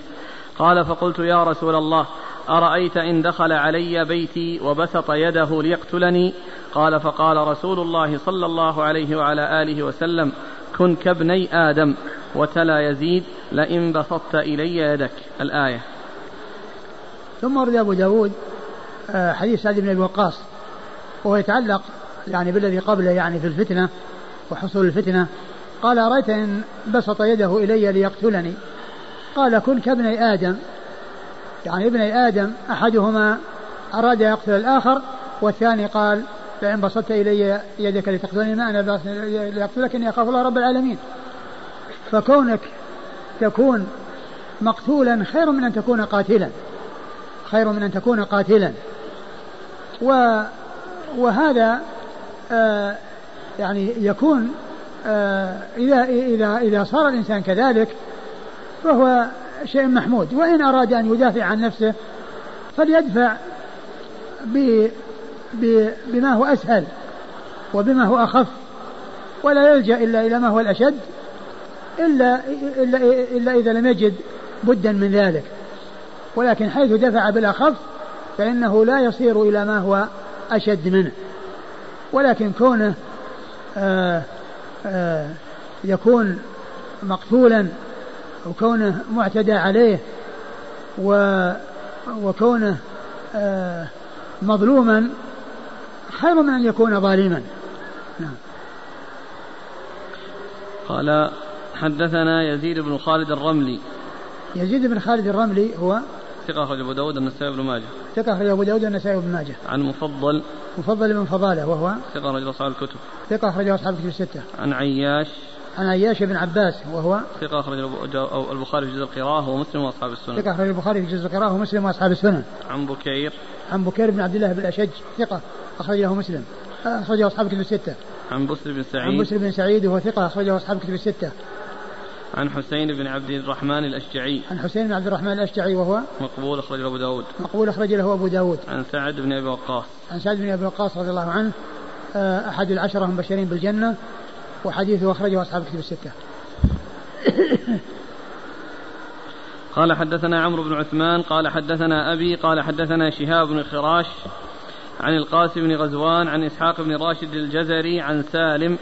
قال حدثني عمرو بن واصف بن وابصة الأسدي عن أبيه وابصة رضي الله عنه عن ابن مسعود رضي الله عنه أنه قال قال حدثنا عمرو بن عثمان قال حدثنا أبي قال حدثنا شهاب بن خراش. عن القاسم بن غزوان عن إسحاق بن راشد الجزري. عندنا ابن سالم. عن سالم. عن سالم قال حدثني عمرو بن وابصة الأسدي عن أبيه وابصة رضي الله عنه عن ابن مسعود رضي الله عنه. قال سمعت رسول الله صلى الله عليه وآله وسلم يقول فذكر بعض حديث أبي بكرة رضي الله عنه. قال قتلاها كلهم في النار. قال قال فيه قلت متى ذلك يا ابن مسعود؟ قال تلك أيام الهرج. حيث لا يأمن الرجل جليسه. قلت فما تأمرني إن أدركني ذلك الزمان؟ قال تكف لسانك ويدك وتكون حلسا من أحلاس بيتك. فلما قتل عثمان رضي الله عنه طار قلبي مطاره. فركبت حتى أتيت دمشق فلقيت خريم بن فاتك رضي الله عنه فحدثته فحلف, فحلف بالله الذي لا إله إلا هو لسمعه من رسول الله صلى الله عليه وآله وسلم كما حدثنيه ابن مسعود رضي الله عنه. ثم روى أبو داود حديث ابن مسعود وحديث خريم بن فاتك رضي الله تعالى عنهما وهو يعني يتعلق في حديث أبي بكرة المتقدم قال قتلاهم قتلاها كلهم قتلاها في النار, في النار يعني قتل هذه الفتنة قتل هذه الفتنة كلهم في النار. القاتل والمقتول القاتل والمقتول كلهم في النار. نعم. قلت متى ذلك يا ابن مسعود؟ قال تلك أيام الهرج. قال متى ذلك يا ابن مسعود؟ قال تلك أيام الهرج. أيام الهرج الذي هو القتل وكفف قتل كما سبق أن مر قريبا في الحديث. نعم. حين حيث لا يأمن الرجل جليسه. حيث لا يأمن الرجل جليسه. يعني تكون الخيانة وقلة الأمانة ولا يأمن الإنسان جليسه فقد يعتدي عليه وقد يكون سببا في الاعتداء عليه. نعم. قال فما تأمرني إن أدركني ذلك الزمان؟ قال تكف لسانك ويدك وتكون حلسا من أحلاس بيتك. فما تأمرني إن أدركني ذلك الزمان؟ قال تكف لسانك ويدك. لا تطلق لسانك في الفتنة ولا تمد يدك إليها. وقد قال عليه الصلاة والسلام المسلم من سلم المسلمون من لسانه ويده. المسلم من سلم المسلمون من لسانه ويده. تكف لسانك ويدك. نعم. بعده. وتكون حلسا من أحلاس بيتك. وتكون حلسا من أحلاس بيتك. يعني تلازم البيت. الحلس هو الفراش والوطاء الذي يوضع في البيت. فهو ثابت في البيت حتى يحرك من مكانه. ويقال الإنسان حلف بيته إذا كان ملازما له. تكون حلسا من أحلاس بيتك يعني كالفراش الذي هو ملازم للأرض ولا يتحرك منها إلا إذا حرك من مكان إلى مكان. وهذا فيه إشارة إلى الابتعاد عن الفتنة. وأن الإنسان يعني لا يكون مع أهلها وإنما يكون ملازما لبيته. نعم. فلما قتل عثمان رضي الله عنه طار قلبي مطاره. قال فلما قتل عثمان طار قلبي مطاره. يعني حصل يعني خوف وأن تكون هذه الفتنة وقعت. وقد حصلت وحصلت فذهبت إلى الشام فلقيت خريم بن فاتك فأخبرته بما حدث به مسعود بما حدث به مسعود نعم. فقال آه، فحلف أنه سمع ذلك من رسول الله صلى الله عليه وسلم كما سمعه ابن مسعود رضي الله تعالى عنه. قال حدثنا عمرو بن عثمان. عمرو بن عثمان هو الحمصي وهو صدوق أبو داود والنسائي وابن ماجه. عن أبيه. عن أبيه وهو صدوق؟ وهو ثقة. وهو ثقة أخرجه أبو داود والنسائي وابن ماجه. عن شهاب بن خراش. عن شهاب بن خراش وهو؟ صدوق يخطئ. صدوق يخطئ أخرج له؟ أخرجه أبو داود. أخرجه أبو داود. عن القاسم بن غزوان. عن القاسم بن غزوان وهو مقبول؟ أخرجه أبو داود. مقبول أخرج له أبو داود. عن إسحاق بن راشد الجزري. عن إسحاق بن راشد الجزري وهو؟ أخرج له البخاري وأصحاب السنن. وش هي؟ ثقة. هو ثقة أخرجه البخاري وأصحاب السنن. عن سالم. عن سالم وهو؟ قال الحافظ يحتمل ابن ابن الجعد أو ابن أبي المهاجر أو ابن عجلان وإلا فمجهول أخرجه أبو داود. آه، يحتمل أن يكون؟ ابن أبي الجعد وهو ثقة أو ابن أبي المهاجر وهو ثقة أو ابن عجلان وهو ثقة وإلا فمجهول أخرجه أبو داود. يعني أنه مبهم مهمل هذا مهمل يعني مذكور اسمه وغير وغير مذكورا يعني آه، اسم أبيه. وهو يقال له مهمل وهو يحتمل يعني هؤلاء الثلاثة وإلا فيكون مجهولا غير معروف. نعم. عن عمرو بن وابصة. أخرجه أبو داود وحده. نعم. عن عمرو بن وابصة وهو؟ صدوق أخرجه أبو داود. صدوق أخرجه أبو داود. عن أبيه وابصة. عن أبيه وابصة بن معبد رضي الله عنه وحديثه أخرجه. أبو داود والترمذي وابن ماجه. أبو داود والترمذي وابن ماجه. عن ابن مسعود. عن مسعود عبد الله بن مسعود رضي الله تعالى عنه وحديثه أخرجه أصحاب الكتب الستة وهذا من أطول الأسانيد عند أبو داود لأن في تسعة أشخاص وخمسة منهم خرج لهم أبو داود. وحده. وهم على التوالي هم إيش؟ من هم أخرج له أبو داود وحده. إيه خمسة أو أربعة. أخرج لهم أبو داود وحده من التسعة. لا. تسعة أشخاص في الإسناد أربعة منهم أو خمسة انفرد أبو داود بالإخراج لهم. ما يصير. ها؟ ما يصير. عمرو بن عثمان أخرج له أبو داود النسائي بن ماجه. طيب. أبوه أخرج له أبو داود النسائي بن ماجه. شهاب أخرج له أبو داود. القاسم أخرج له أبو داود. إسحاق بن راشد أخرج البخاري وأصحاب السنن أيوه. سالم أخرج له أبو داود. أيوه. عمرو بن وابص أخرج له أبو داود. هذا أربعة. فصل بينهم القاسم بن رزوان. أيوه. يعني هذا تسعة أشخاص. هذا من أطول الأسانيد عند أبي داود. وأعلى الأسانيد عنده أربعة. أعلى الأسانيد عنده أربعة. وهنا تسعة. وخريم بن فاتك خريم بن فاتك هو صحابي أخرج له. أصحاب السنن. أصحاب السنن لكنه في طبقة الصحابة يعني هو مسعود في طبقة واحدة. أخرج له أصحاب السنن؟ نعم. أخرج له أصحاب السنن. يقول كيف نجمع بين هذا والحديث الأول أن المقتول خير من القاتل؟ وهنا قال قتلاها كلهم في النار. آه آه قتلا اولا الحديث هذا ضعفه الألباني هذا الذي معنا. ويعني يعني لو صح فإنه مثل ما قال الحديث الآخر الذي يقول النبي صلى الله عليه وسلم إذا التقى المسلمان بسيفيهما فالقاتل والمقتول في النار. قالوا هذا بال القاتل فما بال المقتول؟ قال إنه كان حريصا على قتل صاحبه. إنه كان حريصا على قتل صاحبه.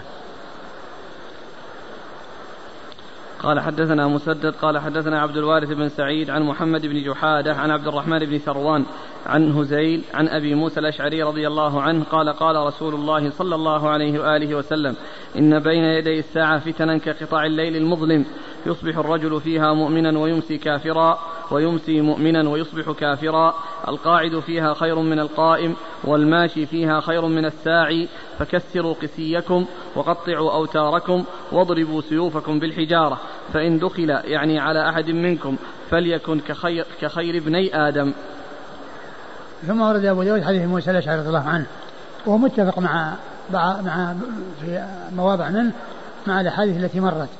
إيش يقول؟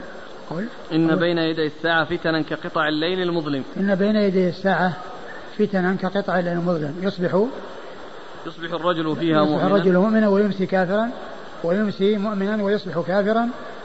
القاعد فيها خير من القاعد القائم فيها خير من القائم والقائم خير من والماشي فيها خير من الساعي. خير من الساعي. فكسروا قسيكم. فكسروا قسيكم. نعم فكسروا قسيكم. إيش معنى القسي؟ القسي يعني الأقواس التي هي من من, من أدوات آه، السلاح في ذاك الوقت. قوس والوتر. نعم وقطعوا أوتاركم. نعم. نعم الاوتار الأوتار هي للأقواس. نعم. واضربوا سيوفكم بالحجارة. واضربوا سيوفكم بالحجارة يعني معناه حتى يعني لا يكون عندكم سلاح. نعم لا لا يكون هناك مجال للمشاركة في الفتنة. نعم. فإن دخل يعني على أحد منكم فليكن كخير ابن كخير ابني آدم. فإن دخل على أحد منكم يعني في بيته وأريد قتله فليكن كخير ابني آدم الذي قال ما, ما أنا بباسط يدي إليك لأقتلك إني أخاف الله رب العالمين. نريد أن تبوء بإثمي وإثمك فتكون من أصحاب النار نعم قال حدثنا مسدد مسدد بن مسرهد ثقة أخرجه البخاري وأبو داود والترمذي والنسائي. عن عبد الوارث, عبد الوارث بن سعيد. عبد الوارث بن سعيد العنبري ثقة أخرج له أصحاب الكتب الستة. عن محمد بن جحادة. محمد بن جحادة ثقة هو أخرج أصحاب الكتب. أخرج أصحاب الكتب الستة. عن عبد الرحمن بن ثروان. عن عبد الرحمن بن ثروان وهو صدوق ربما خالف صدوق ربما خالف أخرج له البخاري وأصحاب السنن. البخاري وأصحاب السنن. عن هزيل. عن هزيل وهو مخضرم ثقة مخضرم. أخرجه البخاري وأصحاب السنن. أخرجه البخاري وأصحاب السنن. عن أبي موسى. عن أبي موسى الأشعري عبد الله بن قيس رضي الله عنه وحديثه أخرجه أصحاب الكتب الستة. شو الحديث اللي بعده؟ حديث حديث ابن عمر أخذ بيده عبد الرحمن بن سمير في طريق المدينة فوقف على رأس منصوب. والله تعالى أعلم وصلى الله وسلم وبارك على عبده ورسوله نبينا محمد وعلى آله وأصحابه أجمعين.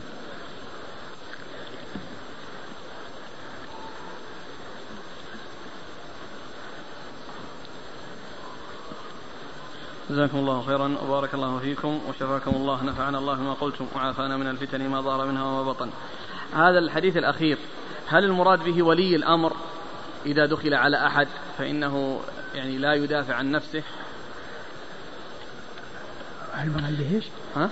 هل المراد به إيش؟ ولي الأمر يعني إذا ظلم شخصا ودخل عليه فليكن كخير ابن ابني آدم ما يبسط يده ولا يمد يده عليه فإن قتل فهو شهيد ما هو ما هو خاص بما يكون ولي أمر الداخل ليس بخاص بأن يكون مسؤول وأن يكون ولاة الأمور وإنما حتى حتى غيره يعني آه، كونه يصير مقتول خير من أن يكون قاتلا. ولكن الدفع بالتي هي أحسن مطلوب. لأن الحديث الآخر من قتل دون دمه فهو شهيد من قتل دون عرضه فهو شهيد. يعني هو خاص ب هو خاص بال لا المقصد أنه يدافع عن نفسه. فإن قتل فهو شهيد. ما يستسلم لمن لمن صال عليه. أو أراد ماله أو أراد عرضه. هو هو إذا هو إذا إذا دافع عن نفسه له ذلك. لكنه إن ترك وكان كخير ابني آدم لأن ابني آدم يعني ما هو ما هو ولي أمر وغير ولي أمر. اثنان يعني اختلفا وتشاجرا وأحدهما أراد يقتل الآخر.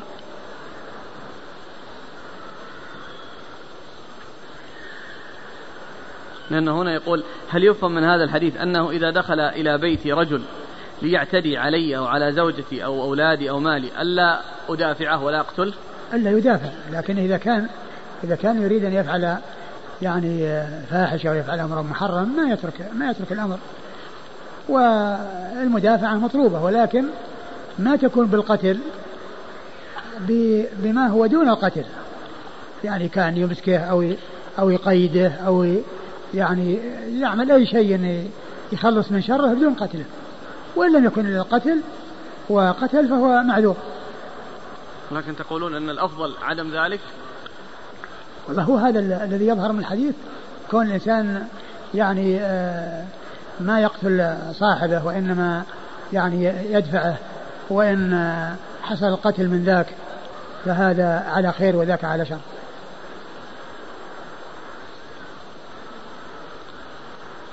ما صحة حديث أحبب. ومعلوم أن أن كون الإنسان يدافع عن نفسه بدون القتل الممنوع هو القتل. الممنوع هو القتل. لأن يعني لأنه قال ما أنا بصد يدي إليك لأقتلك. وأما كون الإنسان يدافع عن نفسه بغير القتل هذا أمر مطلوب لكن كونه يعني يعمد إلى القتل وأن القتل هو المقدم على كل شيء هذا هذا ليس بشيء. اسأل عن صحة حديث أحبب ما شئ من شئت فإنك مفارقه واعمل ما شئت فإنك ملاقيه وكن كما شئت فكما تدين تدان. لا أدري. وحديث من تعلم لغة قوم أمن مكرهم. هذا غير صحيح. ما ثبت في هذا شيء. وحديث الفتنة مطفوءة أو مطفأة لعن الله من أوقدها. ما لا أعرف عنه شيئا.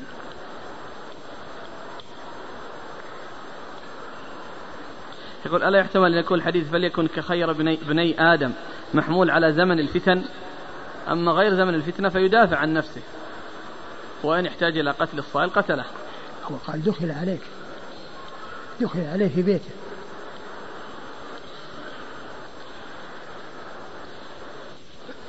يقول تعلمون هو, هو دفع الصائل مطلوب.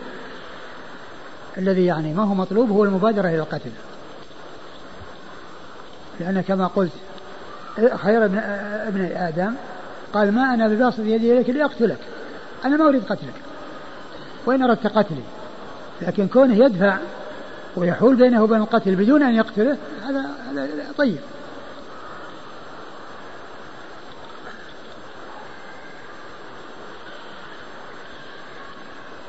هذه أسئلة متعددة عن الأوضاع الموجودة الآن في فلسطين. فهذا يقول تعلمون ما ما تتعرض له فلسطين من قتل ونهب ودمار من قبل أهل الكفر أعداء الله. فهل من كلمة حول هذا الحادث وبيان واجبنا نحن طلبة العلم وخاصة أن الناس يتطلعون إلى أمثالكم لمعرفة واجبهم وبيان أن العلماء أمثالكم ليسوا في غفلة عن أحوال الأمة. وآخر يقول ما واجب طالب العلم تجاه إخوانه في فلسطين؟ وهل يشرع للمسلمين القنوت في الصلاة والدعاء على اليهود؟ وهذا يعتبر من فتن هذا العصر. لا شك أن هذا من الفتن ومن البلاء الذي حصل للمسلمين من تسلط أعدائهم عليهم وحصول الأضرار المختلفة على المسلمين. لا شك أن هذا من الفتن. والمسلم عليه أن يدعو لإخوانه